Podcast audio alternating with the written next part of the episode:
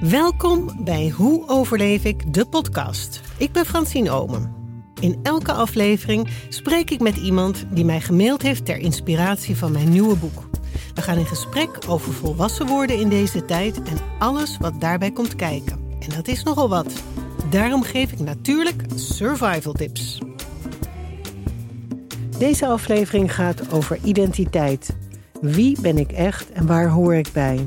Wat doe ik wel wat ik niet zou moeten doen? En wat doe ik niet wat ik wel zou willen doen?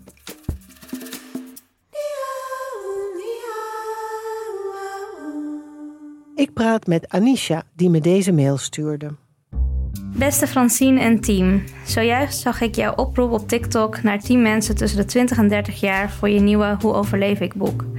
Ik wil me graag hiervoor beschikbaar stellen en hieraan meewerken. Mijn naam is Anisha Ori, ik ben 26, inmiddels 27 jaar, en van Hindoestaanse afkomst. Ik ben werkzaam als psycholoog binnen de GGZ. Momenteel woon ik samen met mijn vriend en onze hond in Maarsen. Wat ik zelf als een van de moeilijkste dingen vind van deze leeftijdsperiode is de enorme druk die er vanuit de maatschappij indirect op ons wordt uitgeoefend. Een gevolg van deze druk is de onzichtbare concurrentie die ontstaat tussen ons leeftijdsgenoten. Je moet zo snel mogelijk je hele leven op orde hebben, waarbij echt gelukkig zijn veel minder een prioriteit lijkt te hebben. Ik vind het daardoor persoonlijk moeilijk om stil te staan. Ik heb het idee dat ik altijd bezig moet zijn met nog beter te worden op elk domein in het leven. Daarnaast zijn er andere punten die me ook erg bezighouden, zoals klimaatverandering, de politieke verschuiving in de wereld en de algehele gezondheid en het toekomstbeeld van de mensheid. Ik word niet bijster blij van het journaal en vermijd dit dan ook enigszins. Maar op persoonlijk niveau probeer ik mijn weg te vinden tussen mijn Hindoestaanse kant en mijn Nederlandse kant. Ik hoor eigenlijk nergens bij en ik hoor van anderen met een migratieachtergrond dat zij dit gevoel ook ervaren. Deze informatie, maar ook vragen die jij hebt, bespreek ik graag met je tijdens een kop koffie in Amsterdam. Hopelijk tot ziens met vriendelijke groet Anisha Ori. Nou, het is geen Amsterdam geworden, maar het is bij mij thuis. Ja. In het gastenverblijfje wat omgetoverd is tot geluidsstudio. Ja, inderdaad. En buiten stormt het. Ja. Maar binnen is het Gezellig is en het cozy. gezellig, ja. toch? Met ja. kaarsjes aan en lekkere hapjes. ja, Lekkere thee. zeker. En eh, nou, er zit inderdaad heel wat in jouw mail. En ik vind het heel erg leuk dat jij zelf psycholoog bent. Ja, Ik ben een soort van psycholoog van de koude grond. oké. Oh, dat wist ik niet. Nee, maar dat betekent dus dat ik geen diploma heb. Maar Ah, mijn hele leven al lang, lang al erg geïnteresseerd ben in de psyche van de Mhm. mens. In wat mensen beweegt. En, en ehm, toen ik ehm, van de middelbare school afkwam, had ik eigenlijk een soort van voor mijzelf. Mijn ouders bemoeiden zich daar nauwelijks mee. Of eigenlijk helemaal niet, geloof ik. Twee keuzes. Mhm. Uh, ik ga of de artistieke kant studeren, dus de kunstacademie. Dat werd de Design Academy of psychologie. Want Ah. beide trokken aan mij. Ja, Beide had- hadden mijn passie. ja. Het is psychologie. Nee, ik verspreek me. Slip of de tong. Het is de academie geworden. Ja, En, maar ik ben altijd blijven lezen en blijven onderzoeken. En ik heb ook allerlei opleidingen gedaan. En, maar jij bent een echte psycholoog. ja. Klopt. Ja.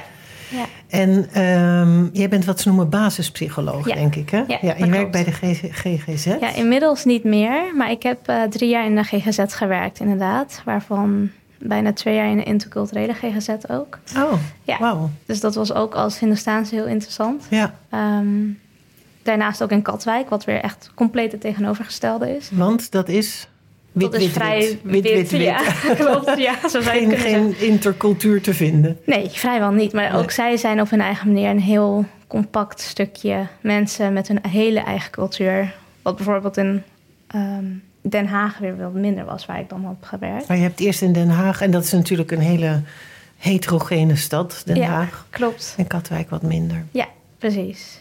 Dus ik heb van beide een beetje kunnen proeven. En nu in Maarsen werk ik en dan meer in de ouderenzorg. En dat is ook, eh, ja, heel anders. En ehm, toen je in Den Haag werkte Mhm. als psycholoog, had je toen een eigen praktijk? Had je, zag je mensen? Wat voor werk deed je precies? Nee, ik werkte echt in een interculturele GGZ-instelling van, van anderen die dat hadden opgericht. En ehm, daar werkte ik met eigenlijk allemaal andere psy- psychologen met een eh, migratieachtergrond. En ons doelgroep was daar met name ehm, alle mensen die nou, eigenlijk iedereen. Het hoeft niet eens dat ze een migratieachtergrond hadden, maar dat was wel het overgrote deel Mhm. van de doelgroep. Die eh, psychische problemen hadden van, eh, van hele milde klachten. Je had je eigen cliënten. Ja, ja, zeker. Ja, ja. Ja. ja, En, en mijn dochter is ook psycholoog en ik weet dat je hard moet werken. Als je ja, in de GGZ werkt, is echt aanpakken, geloof ik. Hè? ja. Het is eh, veel cliënten. Hoeveel cliënten zag jij per dag? Eh, dat verschilde, maar gemiddeld gezien rond de zes, denk ik. Ja, er komt een zuchtje bij. Ja, dat ja. is veel. Ja, dat is wel veel. Zes intensief gesprekken op een dag. Ja, ja, dat was wel eh, intensief. En ik had dan ook, als ik dan de hele dag had gewerkt en alleen maar cliënten gezien, gezien had, dus geen vergaderingen of andere dingen, dan kwam ik thuis en dan was ik niet in de stemming om te praten, omdat ik de hele dag gesprekken Oh, voerde. praten. Ja. Dat snap ik heel erg goed. Ja. En je woonde toen ook al samen. Eerst woonde ik met mijn zus samen en toen met mijn vriend. Ja, Ja. Dus de- die kregen niet veel tekst meer voor jou. Nee, nee, op die dagen niet. Nee. Want jij moest bijkomen. Nee. Herken je dat eigenlijk ook bij je dochter?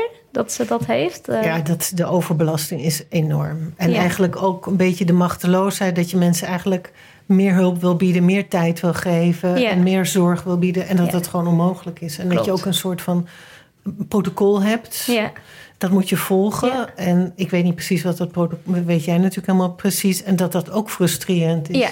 En wat ze ook zegt, al het administratieve werk... de vergaderingen die Ja. er nog een keer bij komen... ja, Maar ook wel vooral het gevoel, denk ik, dat ze, dat ze alsmaar tekort schiet. Dat Ja. het niet. Ken je dat? dat is heel herkenbaar. Ja. Ja, ja.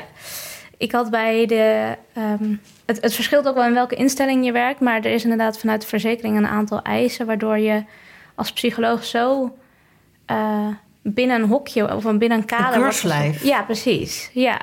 En dat moet je volgen. Terwijl de persoon die tegenover je zit, is niet de persoon wat uit al die onderzoeken komt. Het is nog steeds een individu en daar kan je niet op. Op ingaan in Nee, feite. nee klopt. Nee, het is dus eigenlijk meer een, een, een cijfertje of een object wat een bepaalde behandeling Ja. krijgt. En niet een individu met een eigen geschiedenis, Nee. een eigen achtergrond. En ja, Nee, nee, dat is het inderdaad. is wel grappig, want in, in, ik ben dus nu met het nieuwe boek bezig. Ja. En zoals je misschien niet zal verbazen, is Esther psycholoog geworden. Weet je, Esther, Esther uit Oh, de ja, boeken, die, al, die eigenlijk de grootste bron van survival tips is. En die altijd allerlei boeken leest en tijdschriften en daar tips uit haalt. Ja. En, zo is psy- en die loopt dus tegen deze dingen aan. En is daar Oh. heel gefrustreerd door. Ja. Ook omdat ze een aantal andere opleidingen heeft gevolgd. Ja. En dus ook weet hoe het anders kan. Mm, Behalve het wat mooi dat je dat Ja. erin verwerkt. Ja, dus dat, dat is ook een van de redenen waarom ik het leuk vind om jou te spreken. Ja.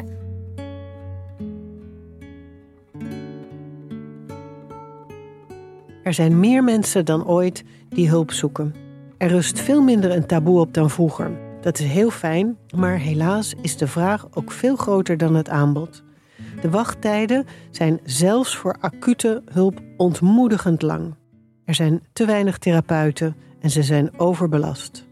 En dan, als je eindelijk aan de beurt bent, is het natuurlijk nog maar de vraag of het een match is met je therapeut. En dan is het ook nog een keer zo dat de keren dat je mag komen praten beperkt zijn. Tenminste, als je afhankelijk bent van je zorgverzekering. En dat zijn de meeste van ons.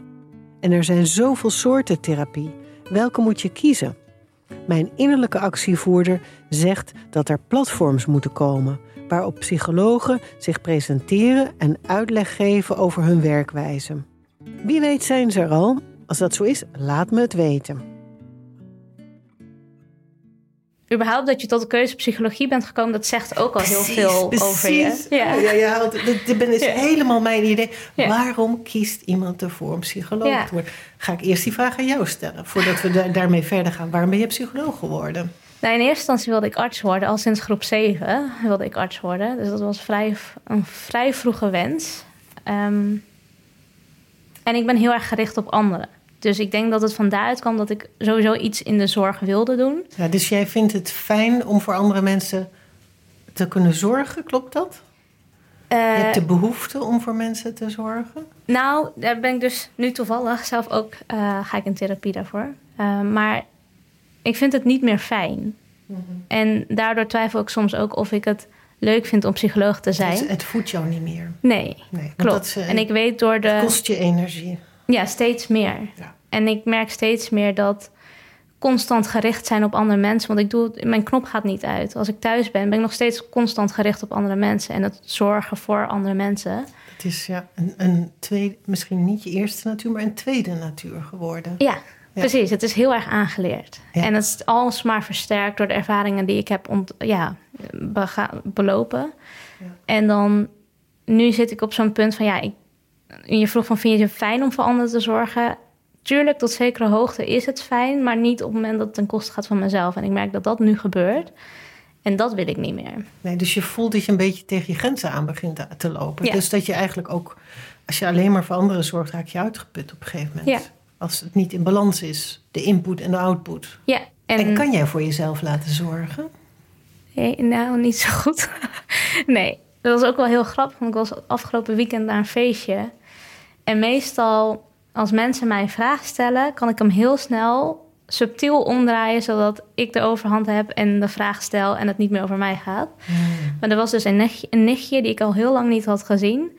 En die stelde mij vragen en op een gegeven moment deed ik dat dus, dat ik hem omdraaide. En zij draaide hem direct weer terug. En dat ik dacht van, wow, oké. En toen stopte ik ook het gesprek en liep ik weg. Toen zei ik van, ja, ik moet even daarheen. Omdat ik gewoon zo ongemakkelijk van word. Dus ben je nu ook ongemakkelijk aan het worden? Ik, ja, het is, het is ongemakkelijk. Ik zit wel in mijn hoofd van, oh, ik wil eigenlijk ook vragen aan jou stellen. Mm. Maar dus het is wel dat het in mijn hoofd. Ja, je, jij, dus je voelt de neiging op, opkomen om je, je, je, je strategie om eigenlijk, en dat weet je als psycholoog ook heel goed, op het moment dat de ander in de buurt van jouw kwetsbaarheid komt. Ja. Want dan heb je gewoon hele slimme trucjes. En it takes one to know one. Ja. Hier, hier zit er nog één. Dus ik ken hem maar al te goed. Dat het veel comfortabeler is om het over een ander te hebben dan over jezelf. Precies. Ja. ja. En dat komt eigenlijk ook terug bij de vraag: wat gebeurt er als er geen afleiding is? Als je stil bent? Als je alleen maar met jezelf bent? Wat, welke gedachten bespringen je dan? Of welke gevoelens bespringen je dan? Of dieners kloppen dan op jouw deur. Zeg, hé, hey, er is nu ruimte en tijd, geloof ik. Mhm. Mag ik even de aandacht? Ja, ik, ik moet het nog ontdekken. Maar als ik het moet invullen, omdat ik weet hoe ik van mezelf een beetje ben... denk ik dat er veel angst en onzekerheid naar voren gaat komen.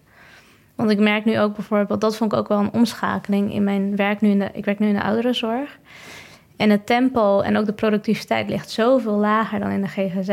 Dus je hebt best wel veel vrijheid om je werk gewoon wel goed te doen, maar in, in ja, voldoende ruimte. En je kan het makkelijker doorschuiven naar de andere dag. Waar ik heel veel moeite mee had in het begin, de eerste paar maanden. Maar daardoor ging ik ook veel meer nadenken en ben ik ook sinds die tijd veel angstiger geworden. En toen dacht ik ook, ja, nu moet ik zelf ook wel in therapie. Want ik, ik ik kan hier niet alleen mee omgaan. Ik weet dat het een dieper gelegen iets is waar ik aan moet werken. Ja, wat goed, wat dapper al dat je dat überhaupt erkent. Dat je het herkent en erkent. Ja. Dat er, dat er inderdaad dingen achter die deur staan die jij tot nu toe uh, succesvol gesloten hebt gehouden. Ja. Ja. Ja, niet makkelijk. Vooral als je, het voelt ook een soort van als falen van oké, ja, ik zou al de antwoorden moeten hebben omdat ik de studie heb gedaan. En in mijn hoofd weet ik dat dat helemaal niet logisch is. Want ik heb niet overal een antwoord op. Maar het voelt wel als ik het naar de buitenwereld uitspreek. Buiten mijn directe cirkel voelt het wel zo. Als falen. Ja. Een beetje schaamte misschien. Van, ik ben psycholoog, ik help mensen. Ja. Maar... Ehm, nu heb ik zelf hulp nodig. Ja, maar ja, je spreekt het nu wel uit. Ja, dat wel. Dat vind ik hartstikke top. Ja. Toch? Ja. Die kon ook nog hartstikke in ontkenning zijn. Zeggen, nee, niks aan de hand. Uh, ik ga gewoon bijvoorbeeld weer een andere baan zoeken... Met, waar het heel druk is, waar ik echt op mijn tenen moet lopen... zodat ik echt geen seconde heb om na te denken. Ja, ja dat is wel mijn neiging inderdaad. Ja, maar je hebt het niet gedaan. Nee, ik heb het niet gedaan. Nee. Nee, klopt. En zorgde je als kind thuis ook al? Wat voor rol had je in het gezin? Ik wilde het wel anderen um, naar hun zin maken. Dus... Uh, ik wilde heel graag mijn ouders gelukkig zien. En dan met name mijn moeder, omdat die natuurlijk ook uh, meer betrokken... Ja, ze was gewoon meer betrokken bij ons. Dus ik wilde haar wel altijd gelukkig zien. En was je moeder gelukkig? Ik, ja... Vind ik moeilijk om te zeggen. Ik hoop het natuurlijk wel. Ik denk het ook wel op momenten. Ik denk niet constant weet ook niet of dat kan überhaupt. Maar ik denk wel dat ze op momenten heel gelukkig was. op andere momenten minder. Ja. En maar als rode lijn, als, als zeg maar grondtoon? is een beetje een moeilijke vraag. Ja, dat is een lastige vraag. Ja, dat is een lastige vraag. Maar ik probeer uit te vissen waar jouw zorgzaamheid vandaan komt. Het is een hele psychologische sessie dit. Dat had je niet gedacht, Nee, hè? dat had ik niet gedacht, nee. Ehm, ik denk dat het meer is om haar te ontlasten. Ze was heel druk. Ze had vier kinderen, waarbij de zorg met name op haar schouders terecht kwamen. En welke was jij in de kinderwijn? De jongste. De jongste. Ja. En ik wilde haar heel graag ontlasten. Dat is het met name. Ik denk dat zij over het algemeen wel gelukkig was. Want, ja, met bepaalde periodes na. Maar over het algemeen wel. En een vervuld leven? Want ze zei, je hebt in het begin gezegd, ze vond het heel belangrijk dat jullie gingen studeren, Mhm. voor jezelf konden zorgen. Toen zei je van, ze was financieel wel afhankelijk van me, maar had ze wel een soort van professionele eh, genoegdoening over haar leven? Was het te, gebruikte ze haar potentieel? Nee. Mijn moeder had echt veel meer kunnen, kunnen doen, willen doen. Maar niet, kunnen, ja, niet mogen doen. Door de situatie waar, waarin ze is opgegroeid. En Ja, ja, de verdere ja. leven die ze heeft Ja. geleid. Ik heb ook het idee dat de generatie boven ons, of dat. Want dat is of het nageslacht van de. Nageslacht? ja. Ja, nageslacht De van de. voortkomeling, ja. je het? Nako- nee, de, de- de Nakomeling. nakomeling. Nakomeling. nakomelingen inderdaad van de, van de ouders die de oorlog hebben meegemaakt. Of als ik dan in mijn geval kijk, de eerste generatie die in een heel ander land is opgegroeid. Dus voor hun voelt het ook een beetje als overleven en in die zin hun leven leiden. Terwijl voor ons is het veel meer. Je kan ook veel meer stilstaan bij je identiteit. En daar hadden zij volgens mij minder ruimte voor. Identiteit. Dat is dus wie ben ik. Ja, daar hebben wij denk ik meer ruimte voor om bij- daarbij stil te staan. Ja. Ja. En dat is tevens denk ik ook een beetje het spannende gebied voor jou. Wie ben ik? Ja. Toch? Ja, klopt. Daar heb ik geen antwoord op. Nee? Nee, nee dat weet ik. ik. Ik heb wel het idee dat ik de laatste tijd, laatste jaren misschien wel steeds meer in een fase zit om dat te ontdekken. Ik kom steeds meer tegen van mezelf wat ik leuk vind, wat ik minder leuk vind. Ehm, dus ik zit echt in die fase daar naartoe om er misschien een deel van het antwoord te vinden. Ik weet niet of je in je leven het gehele antwoord kan vinden. Maar Het is een werken uit. Het gaat door en door. En telkens weer ontdek je nieuwe stukken van jezelf.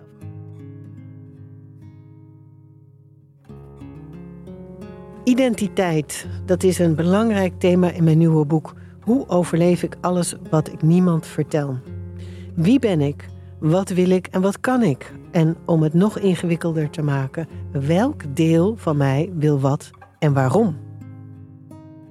Anisha is van jongs af aan gewend zich op anderen in te stellen, voor anderen te zorgen, met als doel de ander gelukkig te maken. We noemen dat parentificatie. Ik heb het er in mijn podcast vaker over, omdat het bij meisjes erg veel voorkomt. Als een moeder of vader niet gelukkig is, gaat het kind uit liefde zijn best doen om dat te veranderen.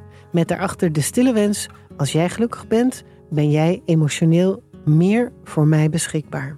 Dit patroon, je instellen op de ander en je eigen behoeftes opzij zetten en op het laatste niet eens meer goed kunnen voelen, gaat vaak een leven lang door, tot je het in de gaten krijgt. Zoals Anisha, die besefte dat het zorgen en klaarstaan voor anderen niet haar eerste natuur was, maar in feite haar tweede natuur, aangeleerd een overlevingsstrategie. Heel veel mensen die in de zorg werken zijn geparentificeerde kinderen. Waar Anisha nu mee aan de slag gaat, is voor het kind in zichzelf dat tekort gekomen is, dat te weinig zorg en aandacht heeft gehad te zorgen. Er emotioneel beschikbaar voor te zijn. Eigenlijk een goede moeder voor haar eigen innerlijk kind zijn. Als je aan Anisha's moeder zou vragen: had jij als kind het gevoel dat je voor jouw moeder moest zorgen? Is de kans heel groot dat ze ja zegt. Anisha herhaalt een patroon. Dit wordt intergenerationele overdracht genoemd. De herhaling van een patroon van generatie op generatie.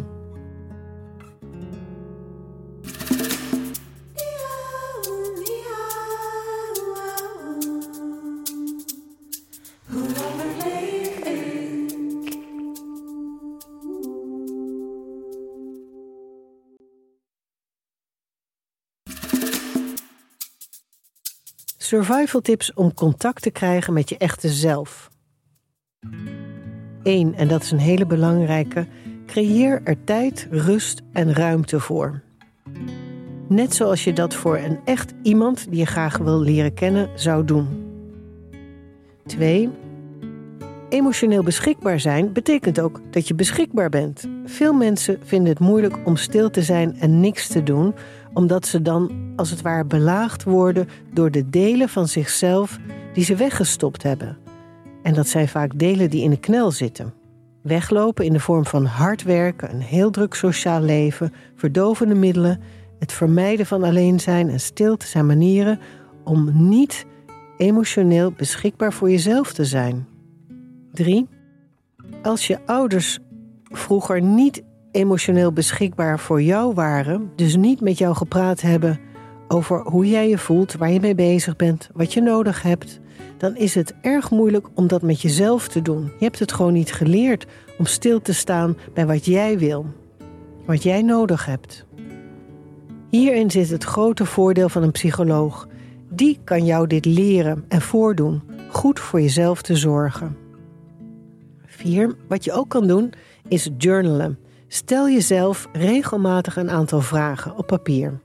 Hoe voel ik me in mijn hoofd en in mijn lijf? Waarover maak ik me zorgen? Wat doe ik wel wat ik niet wil doen en wat doe ik niet wat ik wel wil doen? En wat is de reden daarvoor? Wat durf ik aan niemand te vertellen en waarom niet? Wat heb ik nodig? Waar heb ik behoefte aan? 5. Schrijf je vluchtfantasieën op. Daar kun je heel veel van leren. 6. Luister naar de aflevering van deze podcast waarin ik praat met Charlotte over de pleaser en haar tegenpol. De pleaser stelt zich in op de ander en de zelfzorger zorgt op de eerste plaats goed voor zichzelf. En daarna natuurlijk ook voor de ander. Maar dan gaat het niet meer ten koste van. 7. Wees moedig. Kom op voor jezelf. Ook al zijn sommige mensen daar misschien niet zo blij mee. Zeg nee als het nee voelt.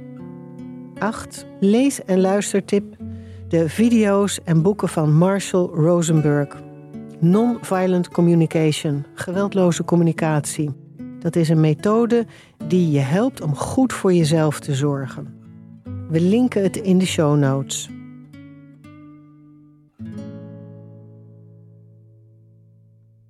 Je bent bezig eigenlijk met het ontdekken van. Je bent 28, hè? 27. 27, ja, dat zei je. Ja. Wat jouw identiteit uh, is, heeft dat te maken met het gevoel dat je eigenlijk bestaat uit twee culturen, een fusie van twee culturen. Het land waarin je opgegroeid bent en de herkomst van je ouders met hun cultuur. Heeft dat er iets mee te maken? Um, ja, ja, eigenlijk wel. Omdat dat versterkt het gevoel dat je nergens bij hoort. Mm -hmm. Dat je twee, cultuur, uh, twee culturen om je heen hebt. Mm -hmm. En uh, als kind heb ik dat minder meegemaakt. Maar met name nu ik wat ouder ben, volwassener... dan zie je dingen en dan hoor je ook dingen die direct tegen je wordt gezegd... of om je heen. Waardoor je steeds weer die confrontatie hebt van... oké, okay, jij, jij hoort er niet bij. Of dat nou is bij Nederlanders, autochtone Nederlanders... of bij Hindoestanen, dat, dat maakt niet uit.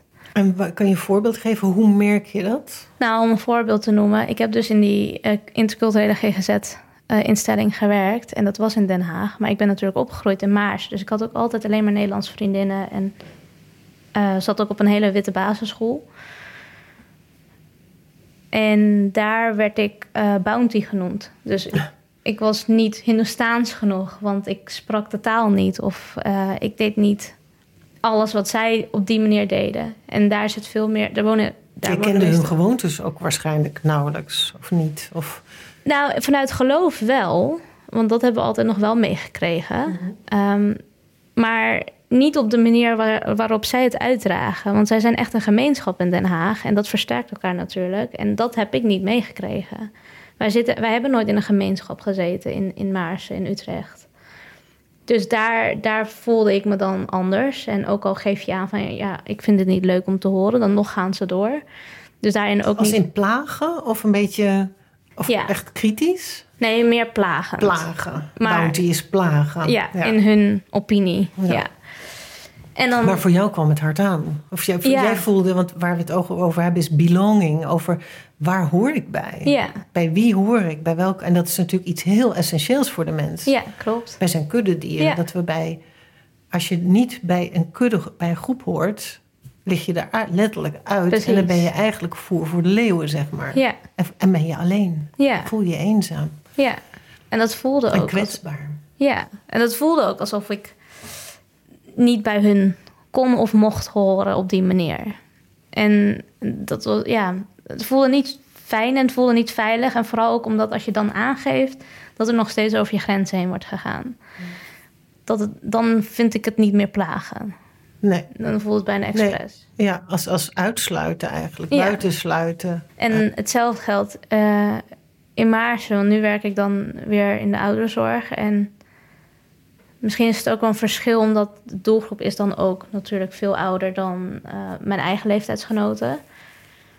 Maar daar wordt heel erg de nadruk gelegd op hoe... Anders- je bent. Precies, Ja. hoe ik eruit zie of hoe Ja. apart mijn naam is. Dus Ja.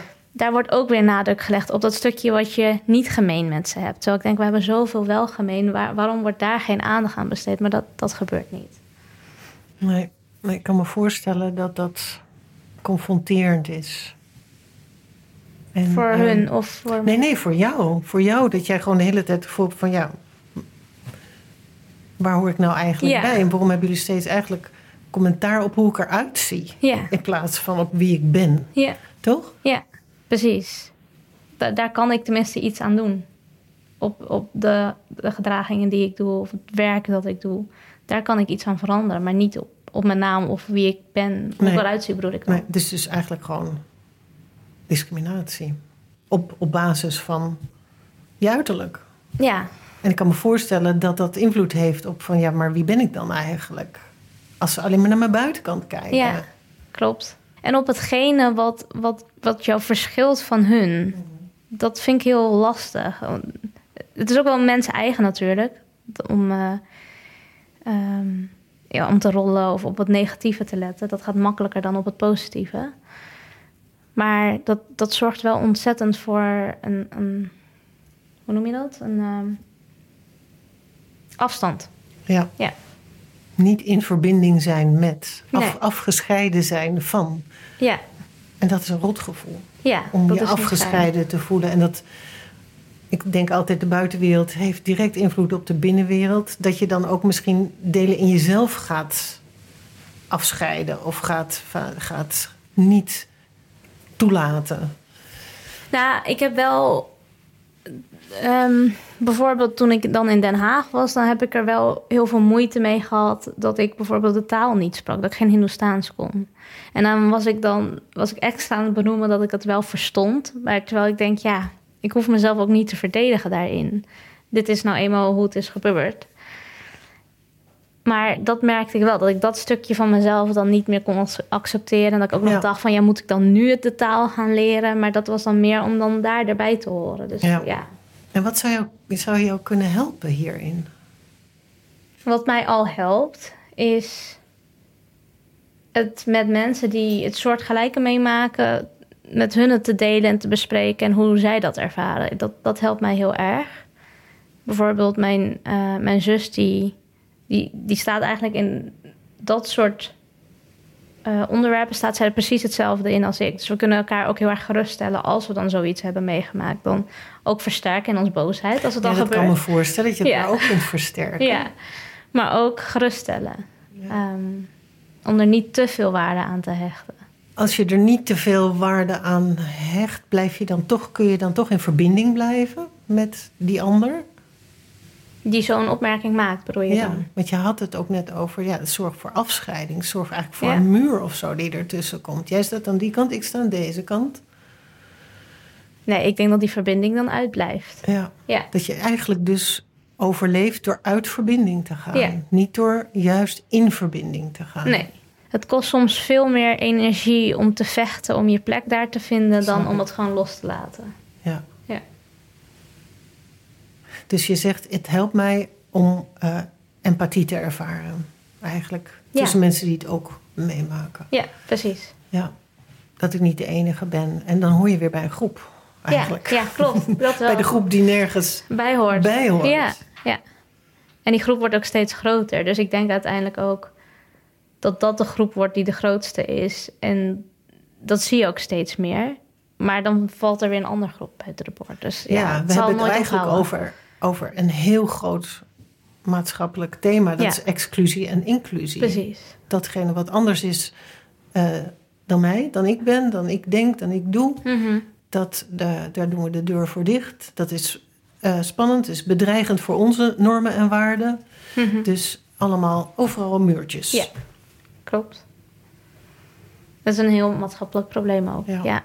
Daarom denk ik ook dat dit misschien iets is wat, wat nog niet in deze generatie opgelost gaat zijn. Maar wel, ik merk wel dat er heel veel voorvechters zijn in deze generatie om dat probleem aan te pakken. Vanuit ons, vanuit Ja. onze kant dan. Heb jij een innerlijke activist? Zit er een acti heb jij een activistisch deel? Heb jij het gevoel dat je de wereld moet verbeteren, veranderen? Wel een poging doen tot. Ja. Ja, want ik, ik heb het idee dat ik het best wel goed heb voor iemand met een migratieachtergrond. Mij wordt niet zodanig nagekeken dan menig andere. Ehm, en nog steeds ervaar ik het ook. En mijn broer en zus het ook.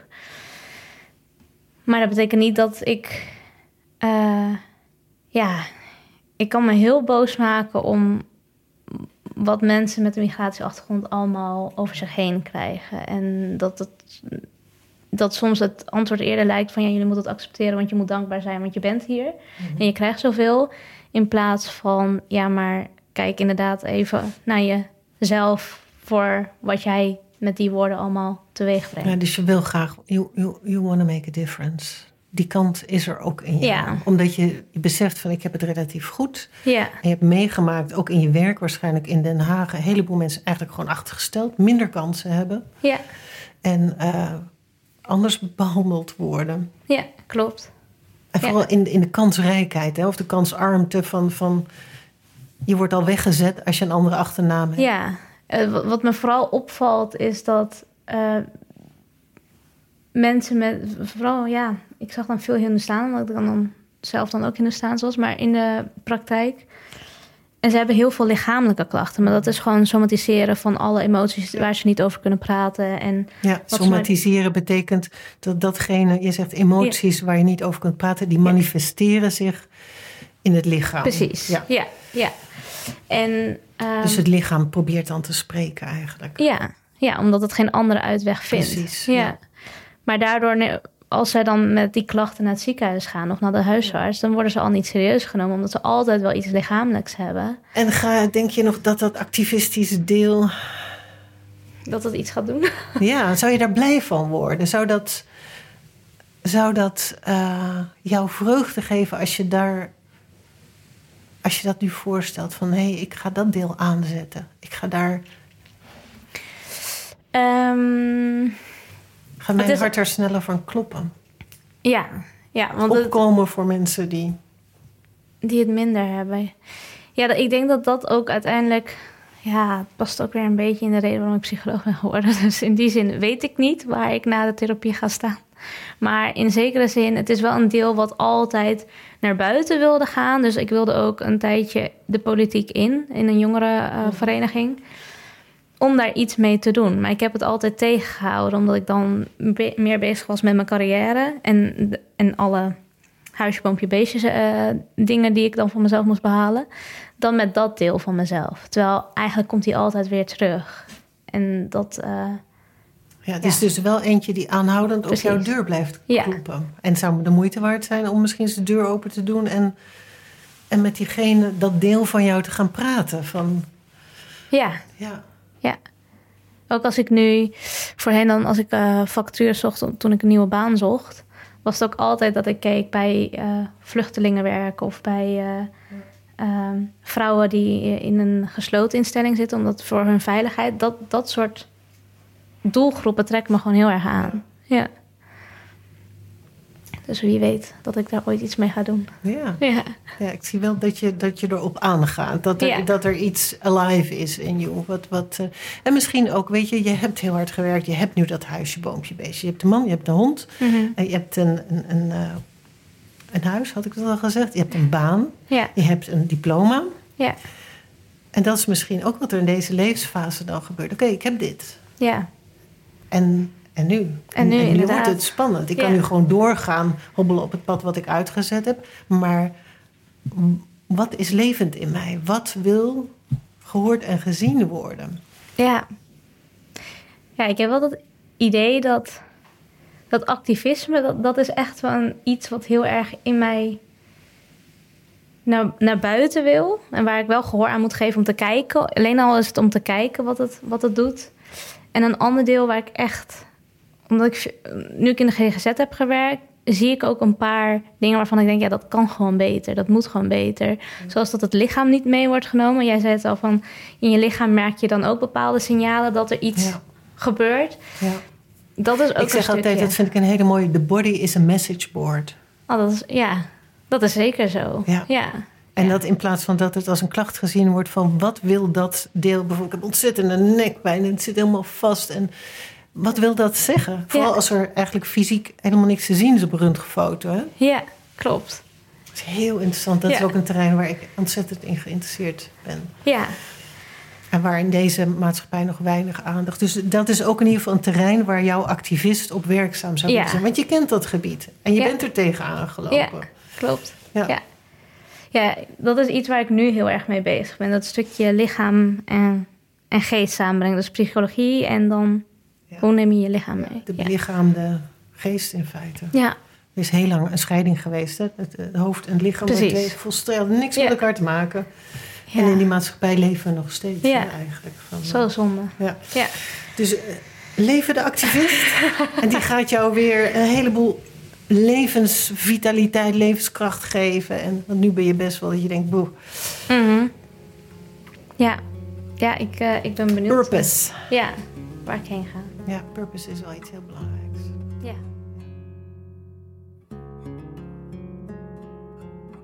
Het zorgen voor anderen was bij Anisha deels gebaseerd op herhaling van een patroon dat in haar jeugd ontstaan is en mogelijk al vele generaties terugreikt. Haar activistisch deel wil voor verandering in de maatschappij zorgen, maar ik denk ook in haar eigen leven. Wil jij je ook inzetten voor positieve verandering in je eigen leven en in de wereld? Dan kan ik je het boek van mijn producent Esther aanraden. Handboek voor de jonge rebel. Je vindt het in de show notes. Verander de wereld, begin bij jezelf. En begin zelf. Stel jezelf ook deze vragen. Waar ga ik op aan? Waarvan gaan mijn ogen stralen? Waar gaat mijn hart sneller van kloppen? Wat vind ik belangrijk? Wat zou ik graag willen veranderen? In mijn eigen leven en in de maatschappij. Ik denk dat als je daar antwoord op vindt, en je de route die daaruit voortvloeit gaat volgen, je vanzelf terechtkomt bij je clan, bij de mensen bij wie je past, bij wie je thuis hoort, bij wie je je veilig voelt, in een omgeving die jou voedt, zodat je kunt groeien, je ontwikkelen en gelukkig wordt. En onderweg een beetje verdwalen, dat is helemaal niet erg. Door dingen te doen die niet bij je passen, ontdek je de dingen die wel bij je passen. De kunst is om het lef te hebben het roer om te gooien op het moment dat je voelt dat je niet op de juiste weg bent. Soms weet je wel welke kant je dan op moet en soms nog niet. En dat is spannend. Maar hey, dat is het leven en dat is het beter dan vastzitten en je geblokkeerd voelen. No fear and the magic is in the doing, niet in the thinking. Want de mind speelt op safe en het hart niet. Dus hierbij een survival tip die jou vast wel bekend is. Volg je eigen kompas. Het is jouw leven. Speel niet te veel op safe. Als je altijd doet wat je altijd deed, krijg je wat je altijd kreeg. En er is niet één einddoel. Het leven kent vele hoofdstukken die elk staan voor de ontwikkeling van een ander deel van jouzelf. Jij bent de schrijver van jouw eigen verhaal.